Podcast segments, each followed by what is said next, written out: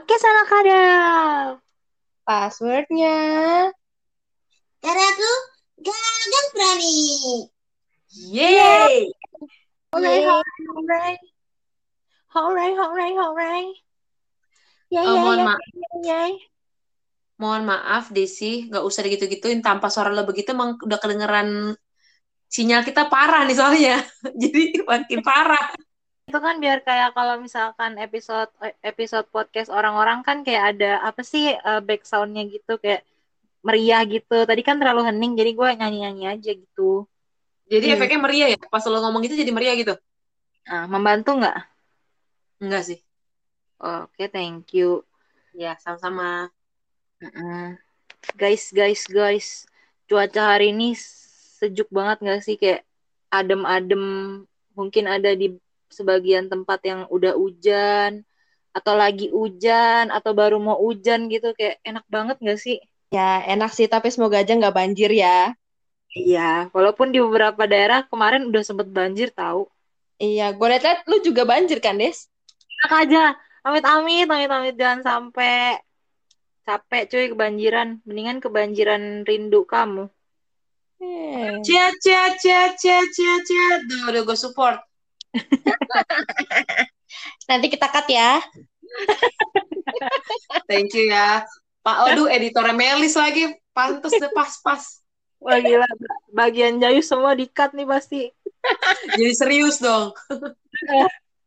eh tapi bener sih Desme di Cikarang juga terjadi keajaiban dunia. Biasanya tuh jarang banget kan mis- eh, hujan gitu biasa di Jakarta, Bekasi atau belahan dunia yang ada di peta lah pokoknya pada udah mengalami musim musim hujan gitu loh. Di Cikarang Hmm. belakangan ini apalagi kemarin ya ampun hampir seharian hujan. Untung gua nggak hanyut. Ya gue dengar-dengar masuk on the spot juga kan. Apa tuh? Gua on the spot. Cikarang hujan. gue pikir apa hanyut. Kalau gua bukan on the spot loh masuknya. Apa, Apa tuh? dong? Itu loh acara anjir gua nggak dapet lagi acara juga tuh di salah satu stasiun TV Apa Oh, neng? juga lupa. Yang itu loh kayak yang yang horor-horor itu loh yang masukin ke dalam botol. Dunia lain. bukan 17 bukan. Agustus. oke skip. Indonesia Lawyers Club. Oke guys, di suasana yang sangat mendukung ini kita memasuki minggu pertama di bulan November dan tentunya ini udah waktunya kita untuk eh, memasuki sesi mitos atau fakta ya. Ding.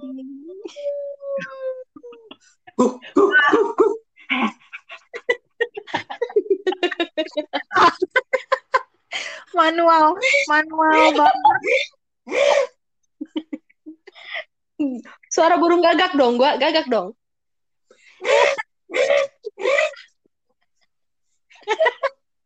abis Kira itu gue yang- operasi pita suara nih Kira dia ngak ngak gitu. kan apa bedanya anjir Suara babi ngepet dong, Vel. Iya, tolong dong. itu spesialis Melis gue nggak bisa ambil udah ya tolong ya jangan sampai saya keluarin semua nih. Gue bisa suara kecoa kawin tahu nggak lo Coba dong.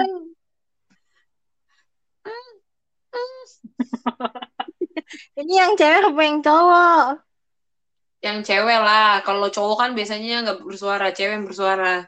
Maksudnya bersuara dalam menyampaikan pendapat. Cowok cenderung malu-malu ya. iya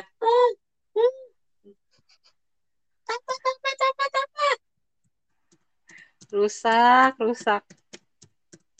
Nah, kita mau bahas apa sih sesi. Iya nih, di se- di sesi ya nyebutnya apa-apa ya? Di episode kali ini lah ya, episode kali Hmm. ini mau ngebahas tentang mitos atau fakta yang kita bawa jauh banget di luar Indonesia. Di Wow. negara dengan penduduk terbanyak se-Asia. Jeng jeng Hmm. jeng. Kalau nggak salah sih nomor dua sih, bukan nomor satu sih. Nomor satu apa nomor Mm-mm. Ah, gue googling dulu. Ini nomor satu apa nomor dua? Ya ampun. Ya pokoknya Nomor dua, nomor dua. ya, ya. Negara dengan jumlah penduduk terbanyak nomor dua di Asia. Nomor satunya siapa? China. Ah, nomor Bener tiga. ya gue? Non, in, mm. ya udahlah pokoknya negara dengan penduduk terbanyak itu ya kita akan membicarakan tentang mitos atau fakta dari negara Thailand. Lepai, tai. Mau ngomongin pimak lo ya? toy. Mau ngomongin pimak lo ya? Ya ngomongin pimak. Pimak Levis. Pimak. Enggak, enggak, enggak. Ini kita ngomongin tentang eh mitos atau fakta dari negara India. Tentang Wow. sesuatu yang lagi ramai dibahas sama beberapa orang dan kita ikut-ikutan aja. Apaan sih Desi? Gak jelas. Dia yang ngejelasin yang ketahui sendiri ini bahas mitos loh. Gue, ya maaf ya guys. Kita akan membahas tentang Burari case yang orang-orangnya itu namanya Cundawat family atau dipanggil juga Batia family. Itu ada lagunya ya, ya? Cundawat Family. Yeah, yeah. We are happy family. Itu genrenya semangat gak sih? Kok kayaknya lo bawa ini kurang semangat gitu sih? Cundawat Family. Yeah, yeah, yeah. Lu gak tahu ada lagunya? Nggak, ini memang ngebahas tentang India. Tapi mentang-mentang bahas India, nggak semuanya lo nyanyiin. Mentang-mentang India tuh apa dikit-dikit nyanyi gitu. Nggak gitu. Oh ya, udah deh. Maaf Nah, ya. aku fokus dulu, gue fokus dulu. Kita lurusin dulu ya. Melis, bisa nggak dilurusin dulu, Melis? Udah ini udah ngelurusin kaki nih. Bukan, bukan kaki lo. Pikirannya Rafael. Oh, itu kayak udah susah itu. Oh ya udah deh. Jadi keluarga ini tuh terdiri dari eh gue hitung dulu ya satu dua tiga empat lima enam tujuh delapan sembilan sepuluh sebelas dua belas. Kok bisa ada tiga? Eh, keluarga terdiri dari 13 orang ya. 13 orang itu keluarga besar dong berarti. Yang kepala keluarganya namanya Bopal Singh.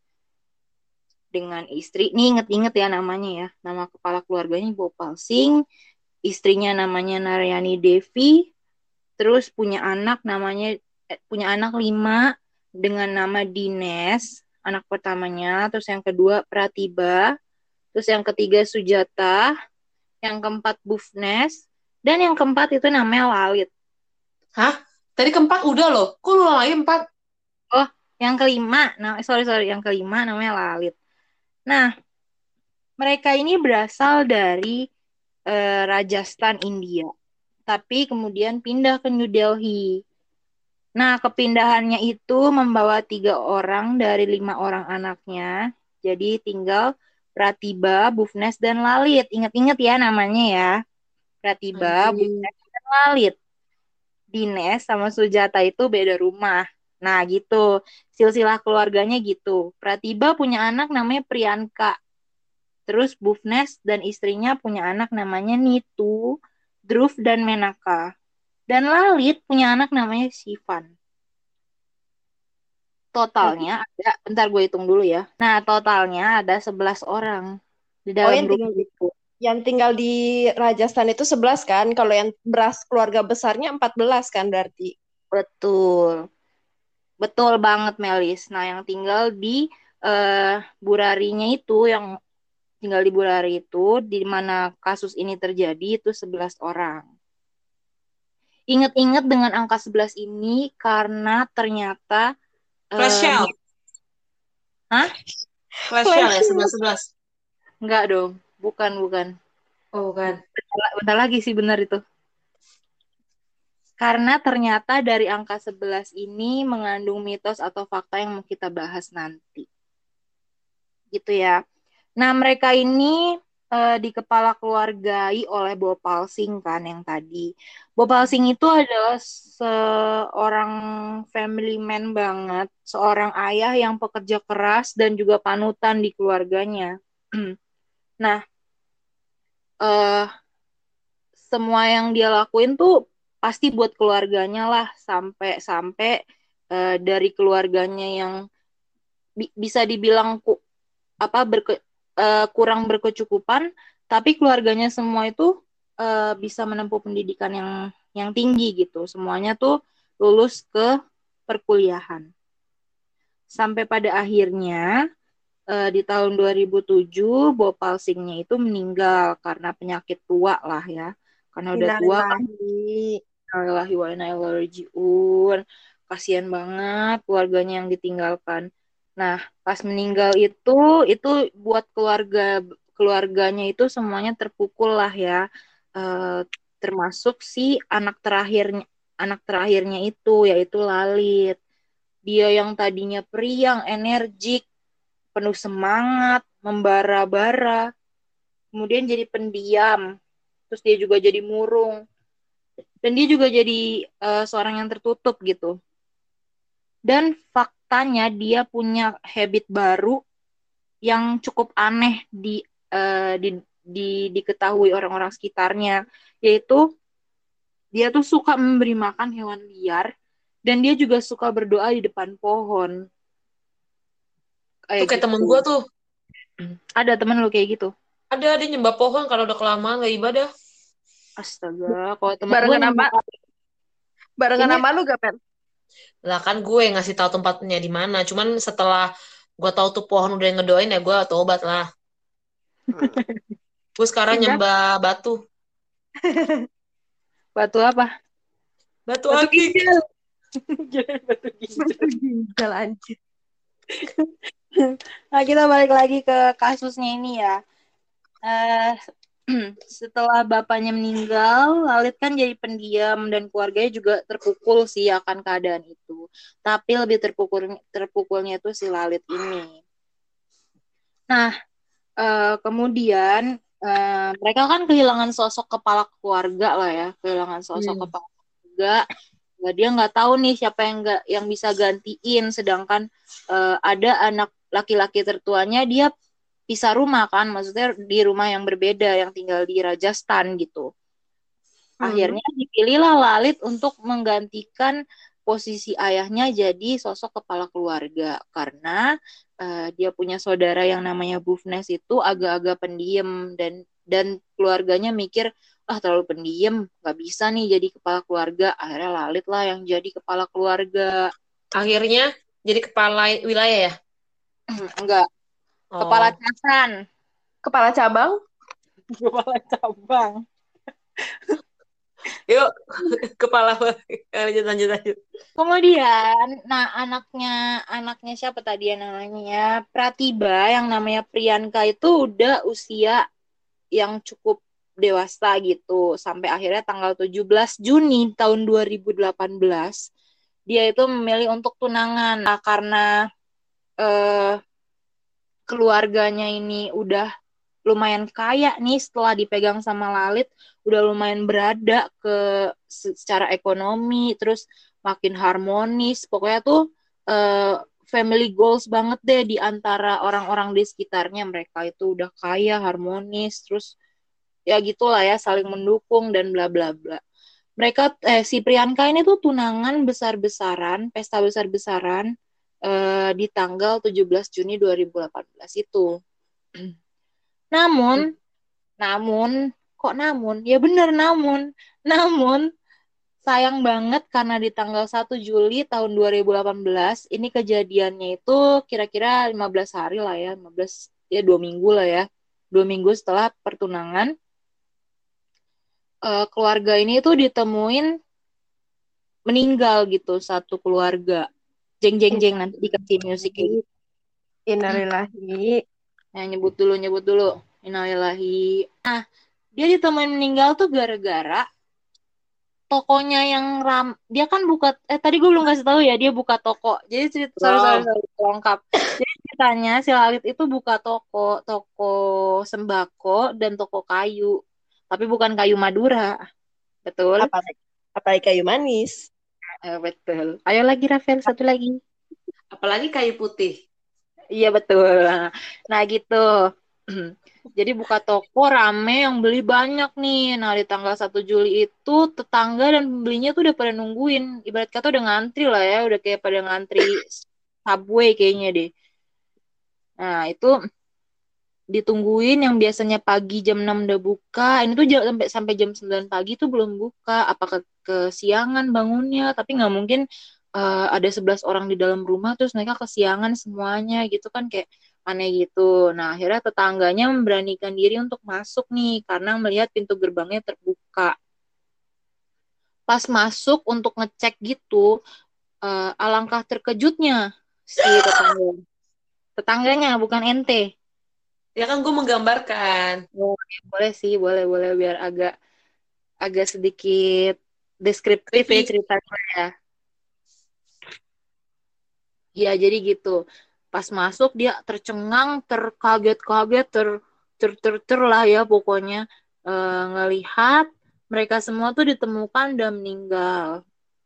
Dengan kondisi e, semua orang tuh terikat dan eh, semua orang udah meninggal dengan posisi dengan posisi terikat dan tergantung e, dengan kain sari dan muka yang ketutup sama kain gitu. Sembilan orang tergantung di langit-langit dengan posisi kepala menghadap ke atas uh, dan dalam posisinya yang melingkar, melingkar saling saling melingkar gitu loh, saling berhadapan lah intinya. Uh, hmm. Kemudian Pratiba ditemukan tergantung di salah satu tembok yang terpisah dari lingkaran itu ya. Dan Naryani di kamar di samping kasurnya. Untuk diketahui Naryani ini umurnya udah 80 tahun, gengs. Jadi kayak udah tua gitu loh.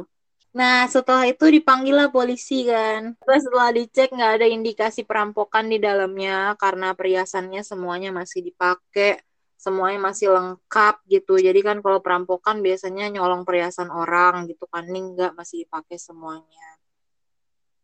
Terus uh, ada juga diketemukan bahwa uh, mereka yang yang statusnya anak-anak itu dipersiapkan terlebih dahulu karena uh, ditemukan dengan posisinya tuh uh, kupingnya tertutup kapas, terus matanya ditutup solasi gitu, tangannya diikat gitu gitulah ya.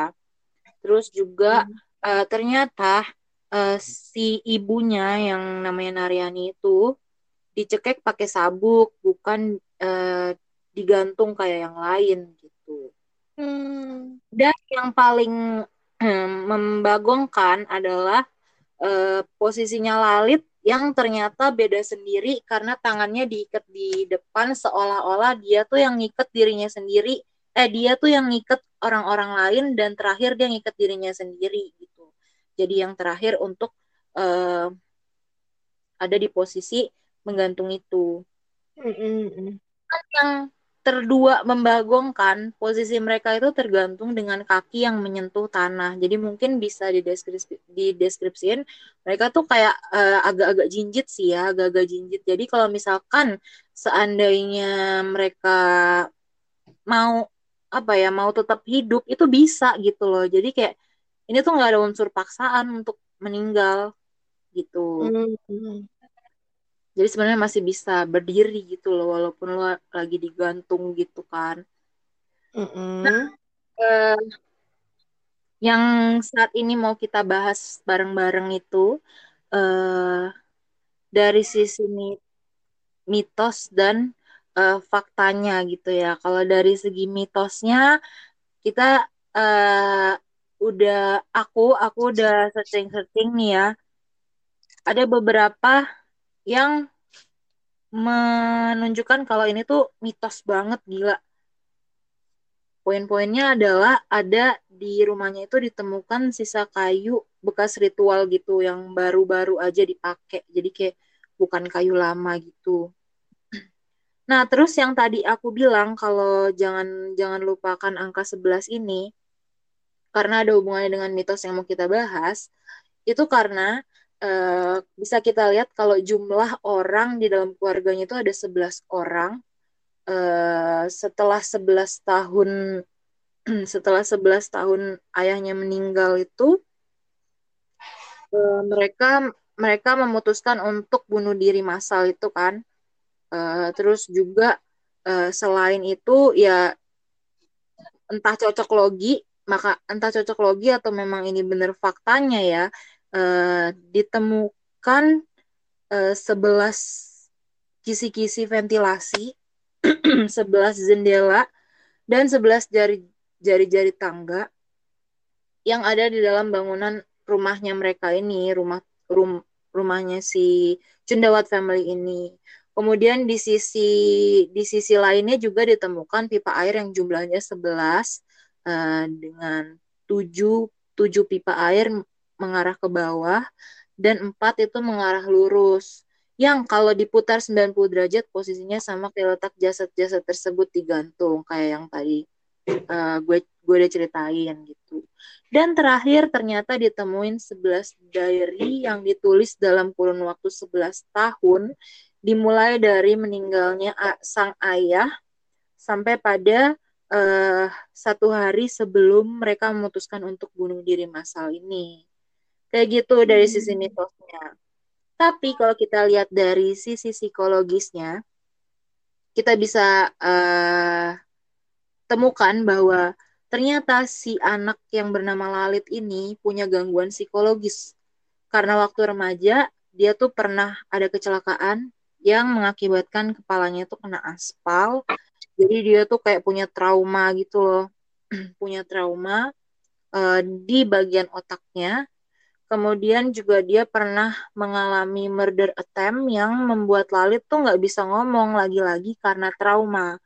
Murder attempt-nya itu berupa uh, dia hampir dibakar sama teman-temannya kerja gitu lah ya, dibakar di dalam uh, perapian kayu-kayu gitu membuat uh, dia nggak bisa ngomong karena katanya paru-parunya tuh kemasukan uh, banyak asap gitu. Tapi dokter bilang kalau ini tuh harus dirawat di rumah sakit gitu. Tapi keluarganya nggak mau karena kalau ngelihat Lalit masuk rumah sakit jiwa tuh kayak sesuatu yang aneh buat keluarganya kayak gitu. Nah dari cerita yang singkat, padat dan gak jelas ini kira-kira uh, ada yang mau ditambahin nggak sama teman-teman atau uh, ada yang mau ditanggapin nggak sama teman-teman? Aku mulai dulu dari Rafael. As always ya. Oke, okay. aku Soalnya hanya menang. Melis tuh hmm. lempeng pikirannya, jadi dia cocok untuk nutup. Kalau lu kan enggak. Ini langsung penutupan ya? Karena ceritanya udah menghabiskan durasi 25 menit sendiri. Gak apa-apa. Ini tapi emang bener sih penjelasannya juga apa durasinya nggak but nggak bisa sebentar doang sih. Ini kalau bisa sih empat malam tujuh hari ya. Lu aja yang cerita hari. nggak apa nggak apa lu aja. Empat malam tujuh hari nggak tuh? Kalau gue sih langsung mikir gini kan tadi Desi nanya uh, ini ya tentang gimana tanggapannya. Gue langsung berpikir sih kayak gini. Jangan-jangan lagu 11 hmm. Januari itu terinspirasi dari kejadian ini. Oh, tuh kan. Udah gue bilang. Gak apa-apa, enggak, Aja. Ini serius loh, serius, serius. Karena angka 11 itu memang sangat sangat induksional ya dengan letak geografis kita ya. Jadi kayak 11 Januari itu siapanya hmm. sebelasnya Flash kita nggak ada yang tahu. Ah, ah gitu. betul. Gitu. Ya kan? Betul, betul. betul. Ya, baik. Ya, ya cuman uh -uh.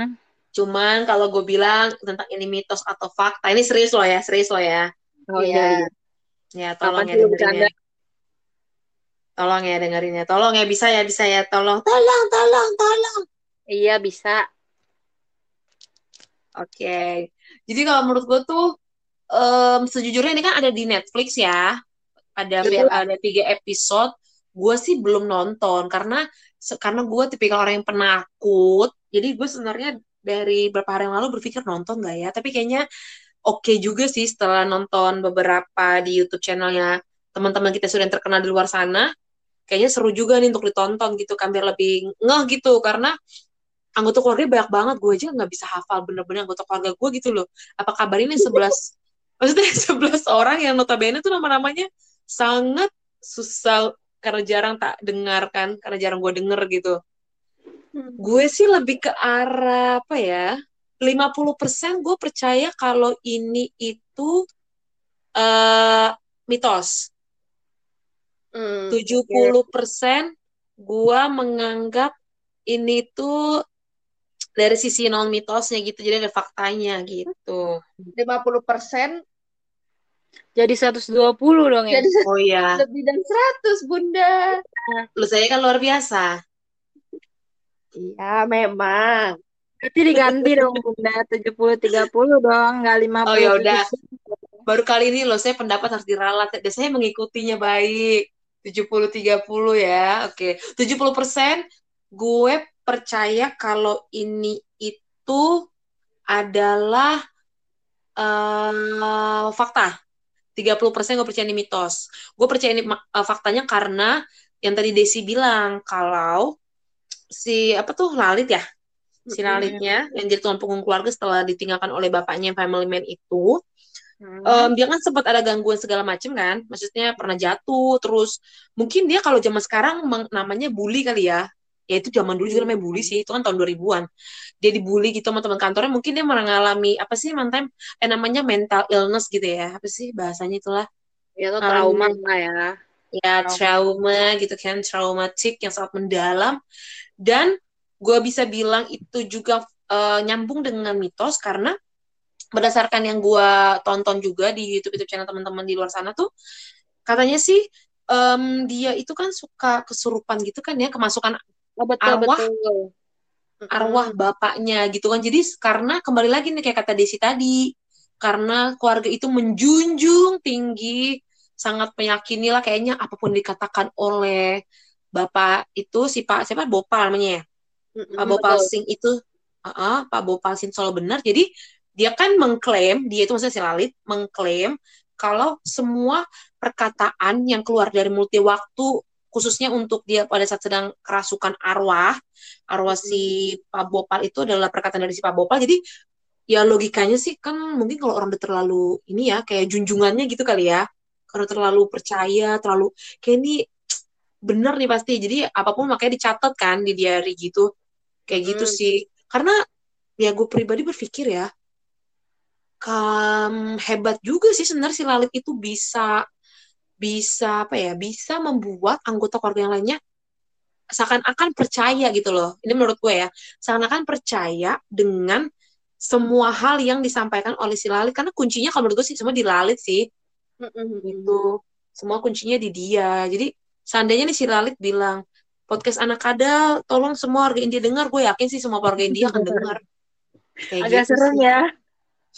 enggak kalau seandainya masih hidup Lebih ke arah seandainya si Lalit ini bisa mengarahkan pikirannya ke yang hal-hal yang positif gitu. Jangan ke eh, ngajak keluarga bunuh diri. Paling enggak dengerin kek podcast anak kadal gitu kan. betul eh tapi anyway em, tentang itu sih sa- jadi sekarang yang terakhir itu infonya adalah polisi di daerah sana itu ini ya Inspektur J itu ya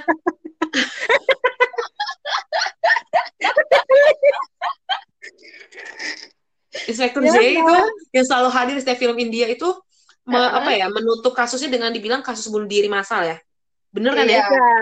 Beda, salah. Ternyata ditutup dengan pengaku eh pe- apa dengan dengan hasil itu eh, mereka jatuhnya ex- accidental accidental death, bukan bunuh diri massal. maksudnya gimana tuh Duh gue nggak paham nih bahasa bahasa Jadi- Irlandia Enggak, itu bahasa ini Inggris. sih Spanyol. Jadi ternyata tuh eh, ke death gara-gara eh, keputusan keluarganya yang nggak mau masukin Lalit ke rumah sakit jiwa. Seandainya Lalit masuk rumah sakit jiwa itu, eh, dia bisa diobatin gitu traumanya. Jadi nggak nyampe kayak begini gitu. Karena balik lagi ya, kalau polisi dan beberapa, ya pokoknya orang-orang yang nggak apa yang yang apa sih yang berpegangan sama hukum itu kan pasti berhubungannya dengan fakta. Nggak bisa dong kita bilang kalau dia kerasukan atau itu tuh pasti nggak terima sih. Nggak mungkin Hmm. ada yang terima dengan eh, apa dengan dengan kejadian kayak gitu. Pasti diarahkannya ke hal-hal yang eh, logik gitu. Oke oke oke oke. itu itu hasil kasusnya accidental death. Oh gitu, gue kira berarti udah bukan bunuh diri massal ya. bukan bunuh diri yang nggak disengaja gitu. Lalit kayak gini tuh gara-gara dia nggak diobatin aja. Seandainya dia diobatin pasti nih jala- jalannya bener nih. Nggak bakalan ada perkara kerasukan perkara harus nurutin kata-kata bapaknya melalui Lalit gitu kan ya. Hmm. kayak gitu sih. Tapi kan ada kamera CCTV juga kan ya, yang me- kejadian beberapa waktu sebelum mereka melakukan ritual, apa namanya Hmm. ritualnya? Bat Tapasya. Ya Ah, itulah itu. ya, Bata Pasya. Itu mereka kayak masih beli kursi plastik gitu kan ya, beli kursi plastik, terus beli kolang kaling, beli pisang, beli Enggak. ubi gitu ya? Enggak ya? mau buka puasa ah Oh bukan. Oh, ya, berarti cuma beli kursi plastik sama apa katanya satu lagi gue lupa deh. Kursi Tali-tali plastik. eh, eh, kain ya? Oh iya, Kain. kain sarinya, kain sarinya Hmm. benar-benar. sama roti Heeh. Rotinya sari Hmm. roti bukan? bukan boti Sari roti, roti sari, roti. terakhir gue denger sih boti Bonceng. Deret. Tetereret. nah ya Oke, ini dia sponsor kita. Kita datangkan saja langsung. katanya Holland Bakery juga itu tuh naro itu naro naro endorse di situ. Holland Bakery, sama. Holland, Holland Bakery. Salah dong, Bun. Salah ya. eh tapi bener deh ini kasusnya Melis belum maksudnya? ini juga genre filmnya tuh kan kalau di Netflix gue liat ini dokumenter gitu kan dan gue notabene tuh yang gak suka film dokumenter sebenarnya. Tapi kayaknya ini wajib gue tonton sih kayak seru ya. Karena cuma tiga episode doang kan guys. Heeh, benar. coba lah dan itu gak nyampe sejam. Nggak Iya, nyampe benar. sejam ya ya oh kalau Melis udah nonton belum Belum, cuma baru nonton dari YouTube YouTube channel orang-orang juga. Iya, soalnya gue nonton dari YouTube channel orang-orang. Kalau dari Netflixnya belum. hmm. nggak berani juga apa kenapa Eh, Nggak ada waktu, sibuk banget, busy. oh, oh. beda ya sama Hmm. kawan kita yang satu itu masa nggak berani nih jadi gimana tanggapan Melis nih sama cerita tadi atau mau ditambahin gitu Hmm, kalau gue tipe yang percaya nggak percaya sih sebenarnya ya kan, apalagi kan ini ceritanya kan dari sisi keluarganya. Maksudnya yang ngelihat kan keluarga dan tetangganya, tetangganya kan juga katanya yang gue lihat di YouTube channel kan juga s- kadang ngelihat nih kalau misalnya Lalit lagi apa namanya kemasukan, kedatangan bapaknya segala macam. Cuma iya ya namanya mitos ya. Kita percaya atau nggak percaya sih sebenarnya. Balik lagi gue kayak bingung juga ini benar apa nggak. Dan kalau misalnya pun dari sisi psikologis eh, dia dibilang trauma segala macamnya itu ya bisa jadi sih. Karena kan adanya apa ya benturan kepala tapi gue bingung juga deh kenapa waktu Lalit itu kepalanya kebentur segala macam kan otomatis kan udah dibawa nih ke rumah sakit umum lah istilah kata. Kenapa Hmm. dia di- bilangnya ditaruh di rumah sakit jiwa. Kenapa nggak kayak ya udah lu nggak apa-apa di rumah tapi lu datang aja ke psikiater ke psikolog. Itu kan maksudnya lebih bisa diterima ya nggak sih daripada lu langsung mendiagnosis nih anak nih anak masukin ke rumah sakit jiwa aja. Padahal kalau dilihat-lihat kan dia hanya maksudnya waktu itu kan case-nya dia hanya jadi nggak bisa ngomong kan.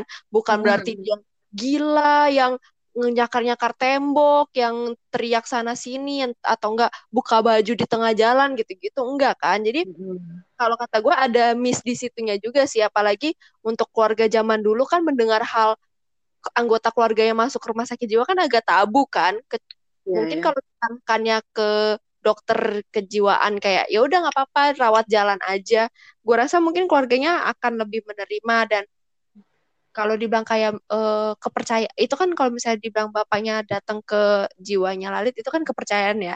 Gue juga nggak tahu bagaimana kepercayaan di India dan eh, apa yang mereka anut kayak gimana. Dan mereka kan yang lebih li- sering lihat sendiri kan gimana Lalit kerasukan apa gimana. Mereka bisa merasakan itu beneran kayak arwah bapaknya atau Hmm. enggak. Jadi gue 50-50 sih. Apa percaya nggak percaya jadi ada sisi psikologisnya ada sisi mitosnya ya mungkin ada kali ya kalau sampai mem, apa ya memain apa ya brainwash mereka kayak itu soalnya logikanya aja ya kalau Hmm. emang bener ini ada gangguan jiwa lebih besar di diri dia satu orang yang lagi gangguan jiwa bisa mempengaruhi 10 orang waras yang ada di rumahnya.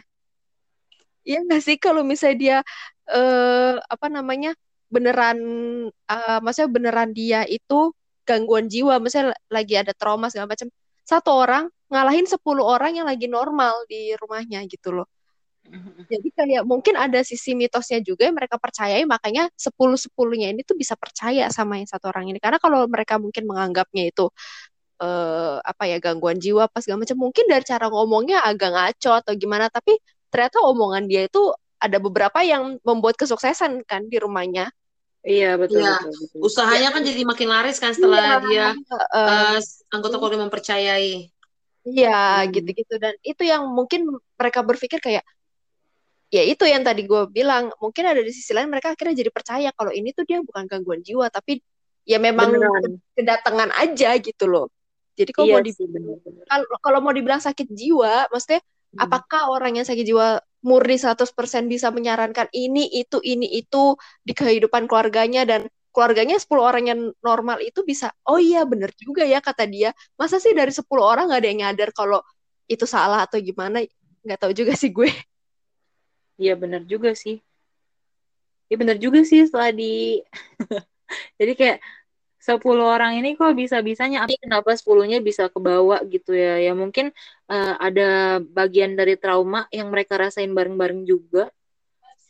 Jadi mudah percaya jatuhnya gitu dan eh, mereka ya ada juga kemungkinan itu tadi mereka udah percaya dulu gara-gara Lalit udah lebih dulu mensukseskan mereka sekeluarga gitu. Jadi kayak udah ada buktinya nih apa yang diomongin Lalit bener. Jadi kayak eh pasti ke depannya bakal bener nih kayak gitu. Dan kembali mungkin juga ada poin ininya ya, kembali ke poin tradisi nggak sih? Kayaknya memang kalau India itu sepertinya masih percaya dengan beberapa tradisi-tradisi yang seperti itu gitu loh, ya kan? Kadang kan kita juga nggak bisa bilang, ih itu kolot, ih ini salah. Iya. Tapi kembali lagi karena mungkin udah ada istiadat Iya. tempat itu, jadi mereka Iya. juga ditambah lagi dengan pembuktian kayak tadi kata Melis yang kan usaha jadi lancar kemudian ya pokoknya semua baik-baik lah oh ternyata nggak ada salahnya nih kita ikutin gitu kan Hmm. jadi ya dan ditambah lagi yang mereka ikuti itu adalah soal eh, suara arwah dari orang yang panutan mereka gitu Hmm. jadi Hmm. jadi udahlah makin plek-plek aja tuh makin total dalam menuruti itu cuman kalau menurut gue sih sungguh disayangkan banget sih sebenarnya ya masih terjadi di keadaan seperti ini gitu loh. Dan itu rumah anyway katanya nggak dijual kan ya? Wow. Ya, rumahnya Wow. katanya? Iya nggak dijual kan ya? Siapa yang mau beli des sih? Mau beli des? Mau nyewa nggak des? Gue beli rumah di Babelan aja dah. jauh jauh dah. jauh jauh dah. tenang. tenang des. Itu rumah kayaknya senin nggak naik harganya Tapi nih ya guys, dari tadi kan kita bertanya-tanya ya tentang kejadian ini. Hmm. Nah, daripada kayak kita kayak 50-50 gitu loh antara mitos atau fakta yang bisa kita Aduh, percayain. Hmm. Mending kita jadi malam hari ini tuh gue udah mempersiapkan salah satu guest star gitu ya. Dari salah satu pakar yang sudah ternama secara mancanegara gitu kan ya. Daripada kita bertanya-tanya tentang kejelasan kasus ini dan kebetulan dia juga mengulik kasus ini waktu kejadian gitu ya. Jadi mending kita langsung tanya aja kan ya. Ya, eh, mohon dipersiapkan untuk Rafael ya. Ya, terus eh, sebelum sebelum itu mari kita bersama-sama memanggil narasumber kita yang satu ini. Dari sisi sudut kanan atas bawah lurus 90 derajat. Kita panggilkan salah satu narasumber yang menangani kasus Burari Burari case. Ini dia. Inspektur Vijay. malam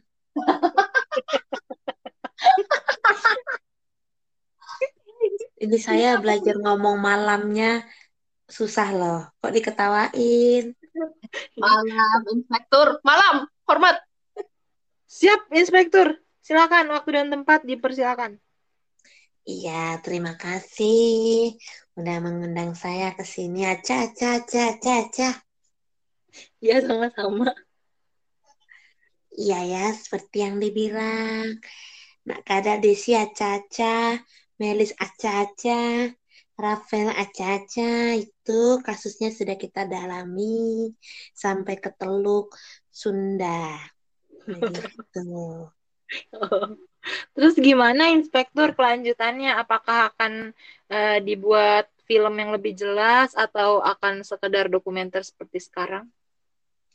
Iya, kalau untuk filmnya ya, eh, sepertinya itu orang India kreatif. Mereka membuat film dan menjadi pengetahuan. Jadi saya, Inspektur Vijay, sama teman-teman saya seluruhnya tidak lelah-lelah membuat konferensi pers. Aca, aca, aca.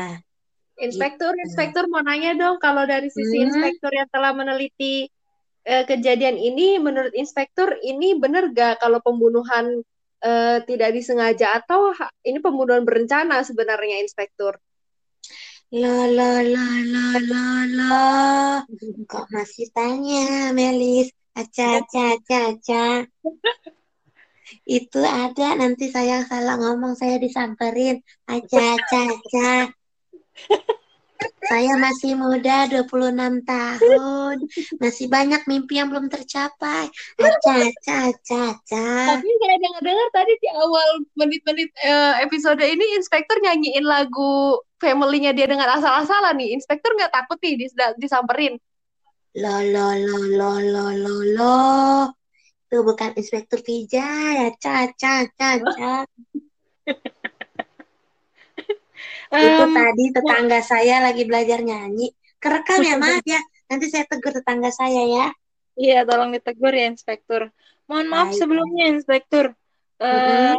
dengar-dengar tadi saya bertanya soal yang apa kejadiannya akan difilmkan gitu ya.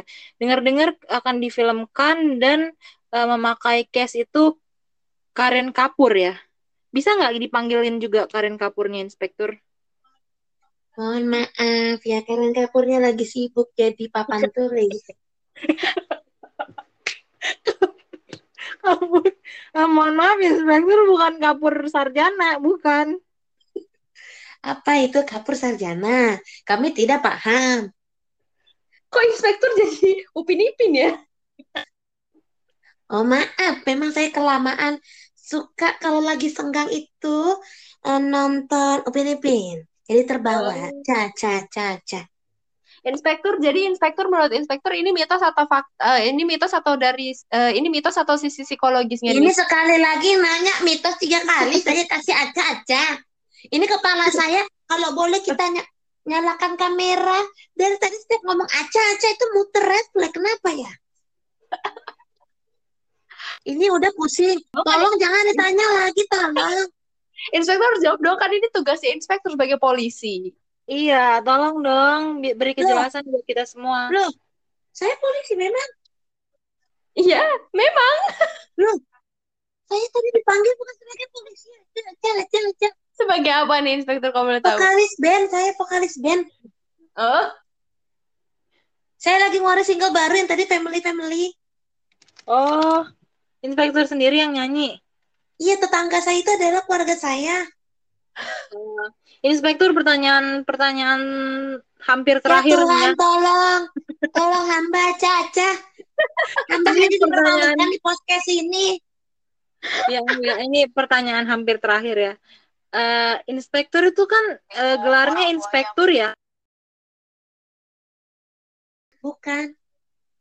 Kira-kira nggak belum belum. Kira-kira eh, hubungan Inspektur Vijay dengan Inspektur Gadget tuh apa ya? Mohon dijawab. Oke, baik. Ini tolong dengar dengan sesama boleh ya? iya, iya. Baik. Tadi pertanyaannya Nak Desi bertanya, Ca, Ca, Ca, Mm-mm. kalau apa hubungannya Inspektur VJ dengan Inspektur Gadget, betul? betul betul betul. Betul. Iya. Jadi dahulu kala ini kita bicara langsung ke ilmu antropologi ya. Boleh tolong simak ya. Jadi begini, begini, begini. Aca, aca, aca, aca, aca, aca, aca. Waktu itu memang Inspektur Vija dia sempat menyusuri dengan di padang belantara. Dia merasa di sana tidak ada titik temu antara Nadi dengan vegetarian. Di situlah datanglah muncul Inspektur Gadget. Dia memberikan peluang. Dia memberikan peluang untuk menerobos alam tata surya boga nasi. Dan di situlah datang Toko Roti untuk biar dia memberikan fragmentasi yang adanya di dalam laptop. Dan kemudian tidak lama setelah laptop itu memberikan rangsangan, dia memulai namanya pacuan kuda di dalam selimut Lilo and Stitch. Di situlah mereka langsung mulai ada hubungannya. Memang hal ini sangat tertutup. Ini hanya di podcast anak kadal. Saya bisa berbicara. Eksklusif dong ya. Betul, eksklusif aca, aca, aca, aca. Jadi memang intinya adalah di mana diafragma di dalam ketuban nasi itu tidak pernah sama dengan Tupperware. Begitu. Semoga dimengerti. Ah, baik. Inspektur Vijay, kalau boleh tahu ada kasus apa lagi nih yang terbaru nih? Hmm. Tolong, tolong. Kasus terbaru abis ini saya langsung disamperin sama netizen. Dengan tiga, dengan tidak, de- salah ngomong. Dengan tiga, eh, apa namanya? Tiga, tiga kasus. Apa Satu, tuh? dikira menghina orang India, aja-aja. Dua, salah ngomong, aja-aja. Tiga, kita belum terkenal, wey. Udah banyak kasusnya, aja-aja.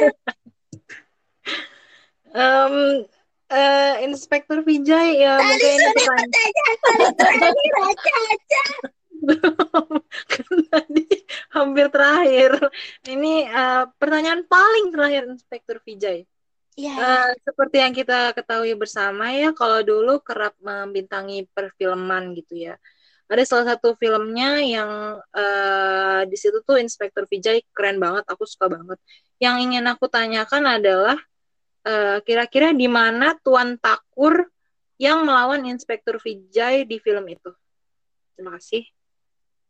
Eh, jadi bagaimana pertanyaannya, aja-aja? Tuan Takur maksudnya ngapain, Iya. aja-aja?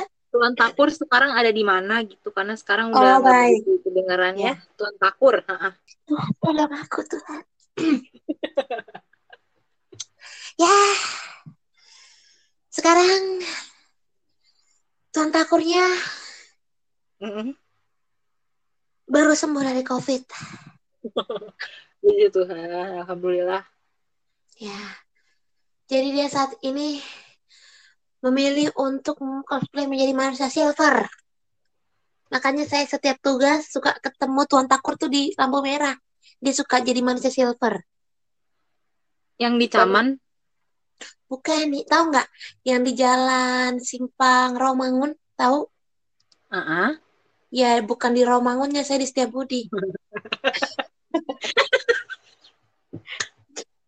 Terus Jadi kenapa nanya yang di Rawamangun? Loh, nggak apa-apa. Berarti kan kalau mau ke Setiabudi bisa lewat Romangun. Ah, Oh berarti setiap setiap Tuan Takur lagi jadi manusia silver, Inspektur Vi- Vijay yang lagi ini ya polisi ya pengaman di situ ya. Oh Pola enggak, saya, saya yang memperhatikan kalau sudah luntur saya chat lagi. Oh, oke. Lebih Karena ke kami itu- bosnya ya. Kalau boleh tahu pakai chat apa ya, Inspektur Vijay? Oke, bangsat. Kita pakai chat. Chat ini lo tahu chat buat ngechat ini chat apa? Apa? Apa, Inspektur? Aku approve iya. bukan? Bukan, bukan, bukan. Bukan. Apa-apa? Apa ya? Itu yang sering ketahu orang-orang tahu sih ya, familiar ya. Aca, aca, aca, aca. Tapi itu chat tidak dijual di Indonesia. Jadi seperti kalian tidak paham, percuma saya bicara. Ah, gitu. Mohon maaf, saya sudah perhatikan dari jam dari 10 menit yang lalu sudah bilang ini pertanyaan terakhir, bodoh. Ca, ca, ca. Oke lah, Inspektur Vijay, terima kasih untuk atas Iya. waktu yang sudah disediakan bisa hadir di podcast Anak Kadal ya. Eh, diharapkan di lain kesempatan boleh berkunjung lagi mungkin ya. Atau Inspektur mau- untuk menutup podcast ini mau pantun pakai bahasa India boleh? Boleh, boleh. Waduh, Tuhan. Baik, bisa, sangat bisa, sangat bisa. Boleh saya berpantun? Baik, oke. Hmm. Pakai bahasa apa? Bahasa Iya. bahasa India. Tapi saya karena saya cinta Indonesia juga, saya boleh pakai bahasa Indonesia ya? Eh, boleh. Ya udah, heeh. Kalau mau pakai bahasa Rusia juga boleh. Saya pakai bahasa Batak kalau begitu ya. Inspektur Wijay, nenek moyangnya orang Batak emang. Hei, saya mau pantun, bukan disuruh Oh, iya. mikir. Ya, ya, ya. Silakan pantun, Inspektur. Ya, ya, baik. Ini inspektur karena banyak job, ada habis ini saya mau ke daerah Setiabudi. Jadi saya harus percepat, boleh lah ya pantunnya? Heeh, boleh, boleh. Baik, baik. Oh ya, sebelumnya terima kasih saya sudah diundang di podcast Anak Kada. Semoga podcast ini boleh peduli sama kawan satu lagi saya dengar-dengar Rafael sebentar lagi itu kena stroke dia ya karena dikerjain terus sama dua temennya. Itu aja pesan saya ya. Tolong diperhatikan. Ya, oke baik baik. Saya akan berpantun. Ke